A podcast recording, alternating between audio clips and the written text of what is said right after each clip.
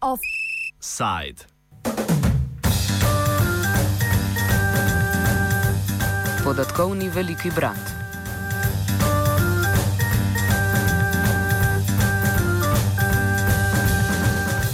Evropska unija, bolj natančno njeno sodišče, je v redkem obdobju treznosti, sklicujoč se na pravico do zasebnosti, aprila razveljavila retencijsko direktivo oziroma direktivo o shrambi telekomunikacijskih podatkov. Slednja je operaterjem telekomunikacijskih storitev nalagala večletno hrambo podatkov. Sprejetje same direktive je med svojim predsedovanjem leta 2005 sprožila Velika Britanija pod pretvezo boja proti terorizmu. Spomnimo, da so se v sredini dotičnega leta odvili londonski bombni spopadi.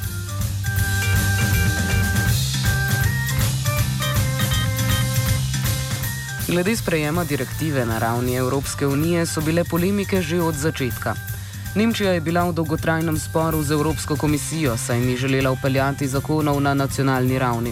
Obenem sta Avstrija in Irska 2011 sprožili postopek pred Evropskim sodiščem, kar je privedlo do aprilske razveljavitve. Slovenska vlada kot poslušan učenec evropske ideje je retencijsko direktivo udejanila v sklopu 13. poglavja zakona o elektronskih komunikacijah 1, ki je v veljavo stopil 15. januarja 2013. Več o celotni zgodbi doslej nam je povedal novinar dela Lenard Kučič se mi zdi, da v zadnjih teh letih sem uporabil skoraj vse pridevnike za to obvezno hrambo, od neučinkovite, škodljive, neproporcionalne, neumne, nepremišljene, nezdebatirane in ne vem kaj. Nekaj, po mojem, nisem uporabljal neustavno, tega, ker se to pač spodob prepustiti ustavnemu sodišču. Tako da se mi zdi, da je tako no, pametna stvar. So tako odločili, kot so odločili.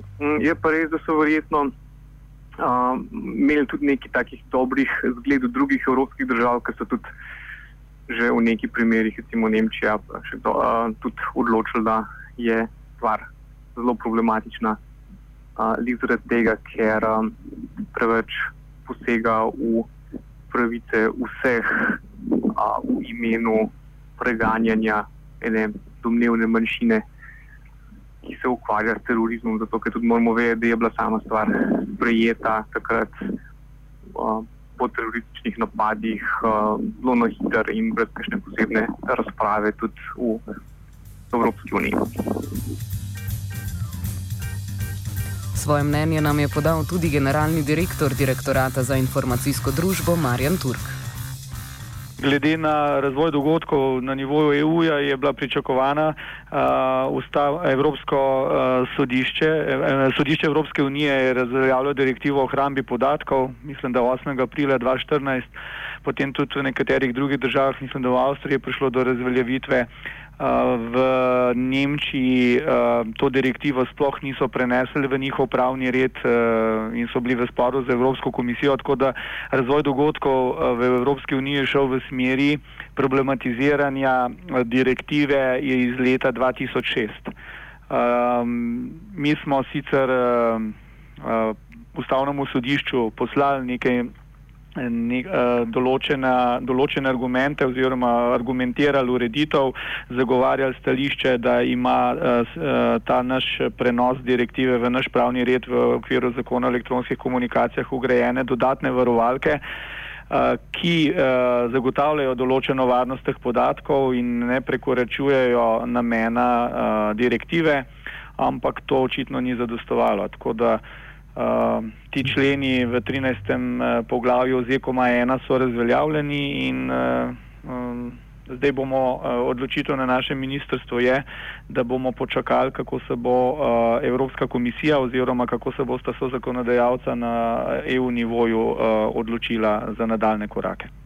Smemo vprašati, kakšne so bile v primeru slovenske zakonodaje dodatne, dodatna varovala? Uh, ja, dodatna varovala so bile uh, glede pravil uh, rokovanja s temi podatki oziroma hranjenja, zagotavljanja varnosti, da ne prihaja do zlorab, do nepoblaščenih pogledov in tako naprej. Predvsem pa je glavna varovalka, da ima dostop do teh podatkov. Uh, pač, da imajo organi pregona dostop do teh podatkov samo na osnovi odločitve sodišča.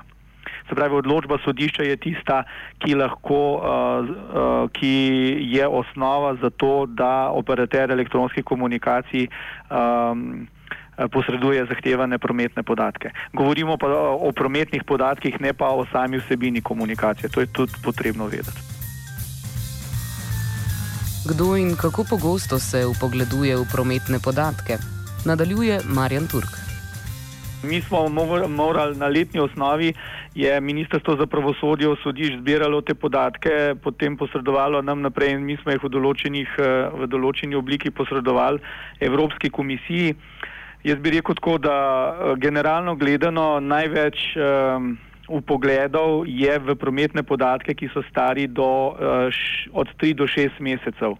Uh, potem uh, kakšnih 15-20 odstotkov je do 9 mesecev, potem pa krivulja zelo hitro pade. Uh, okvirno gre pa za približno okoli tisoč uh, zahtev po, uh, za upoglede v te prometne podatke na leto. Približno tisoč. Prva leta je bilo to manj, se pravi 2006, 2007, 2008 do 2009 je bilo manj, potem je naraslo in zdaj je okoli tisoč upogledov uh, v prometne podatke na leto. Marjana Turka smo prav tako povprašali, kdo je glavni ponudnik in pobudnik zakonov glede retencije prometnih podatkov.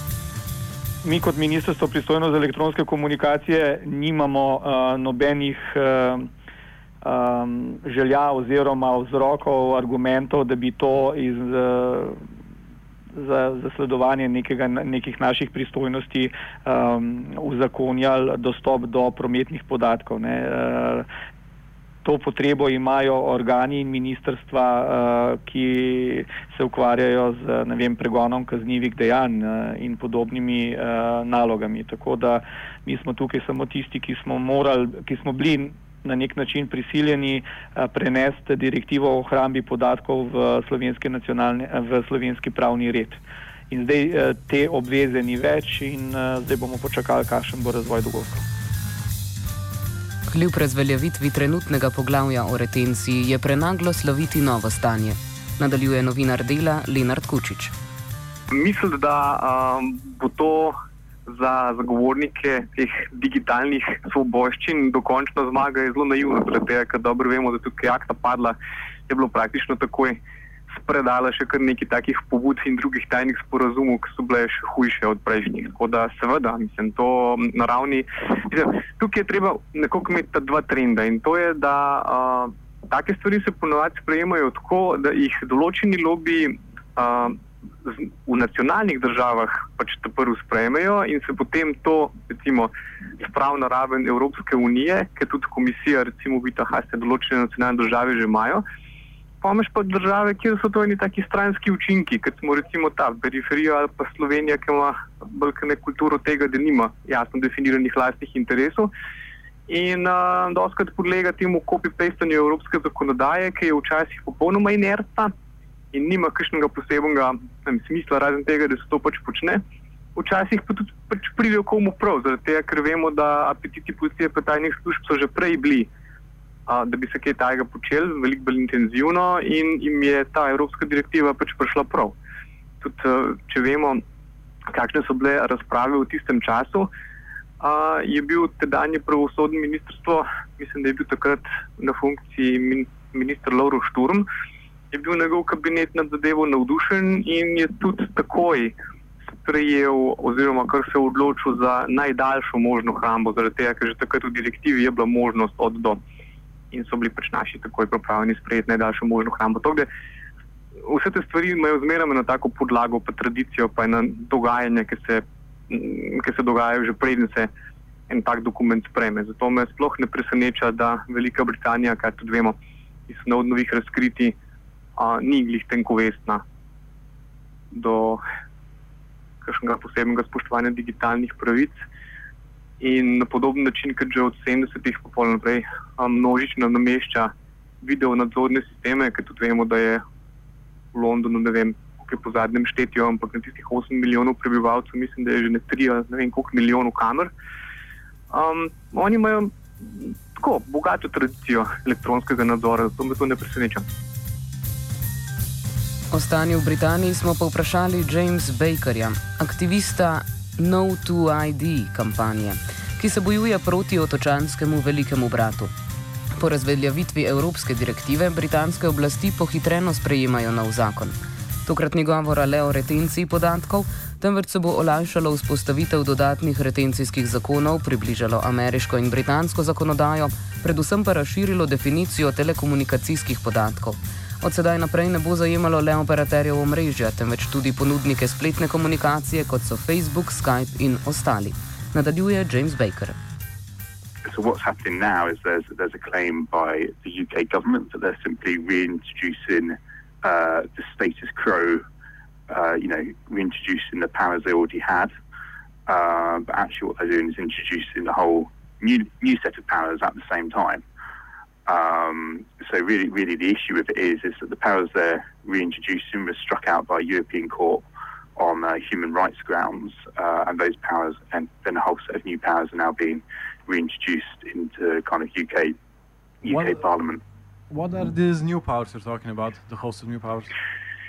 Yeah, so the new powers essentially what they do, they give um, uh, new powers to, to the executive of the United Kingdom government. So the Home Secretary uh, will have powers to create uh, retention orders via um, kind of additional regulations and, and what we call secondary legislation. Um, so at the moment, it's, it really depends. You know, a lot of it is what those secondary regulations, what form they take. You know, the current set they come up with may not be too bad, but a future Home Secretary could create other regulations which may be may be problematic. Uh, and the, the level of parliamentary and public scrutiny of those second regulations is, is not as much as it would be with, with, with you know an initial law going through. Uh, so that's one of the new, one of the big changes that are happening. Uh, is they're going to make it easier for future governments to create additional surveillance powers.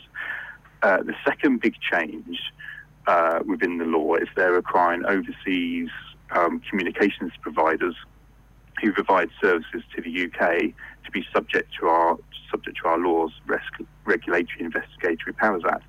So that means uh, Google, Facebook, uh, the big US companies will be able to um, access that data.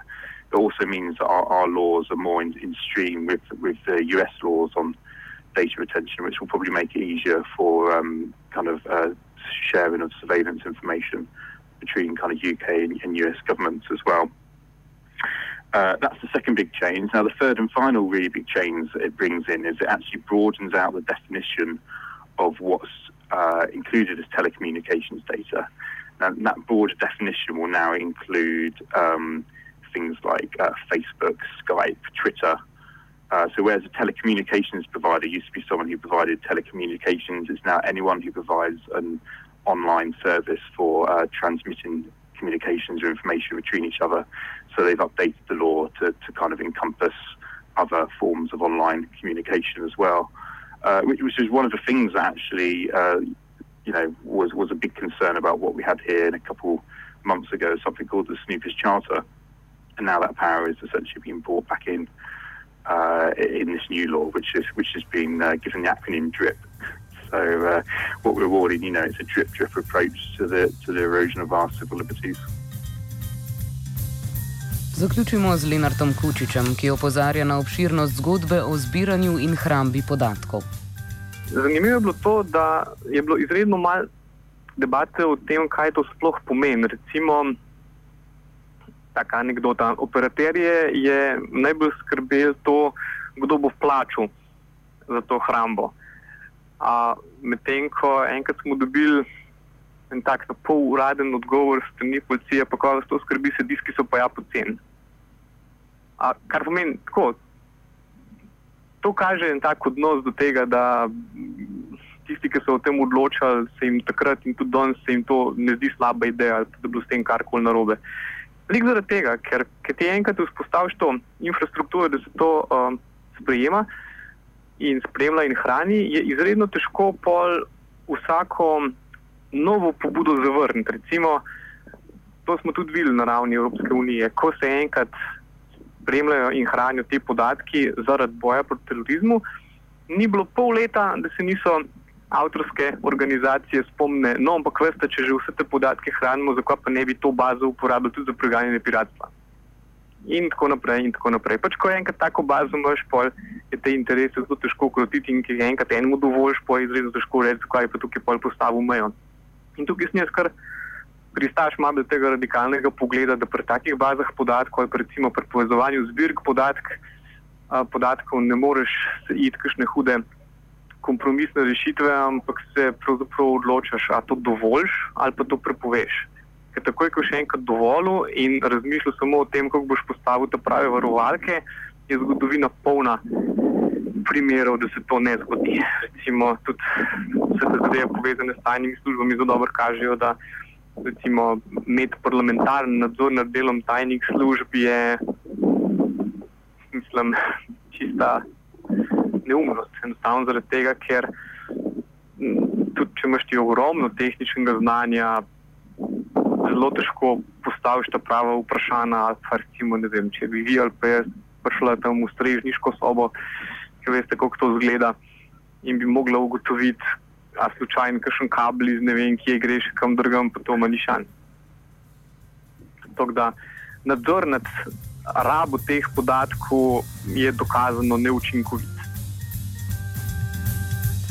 Boj za svobodo in zasebnost na internetu se torej nadaljuje. Offside je pripravil kožuh.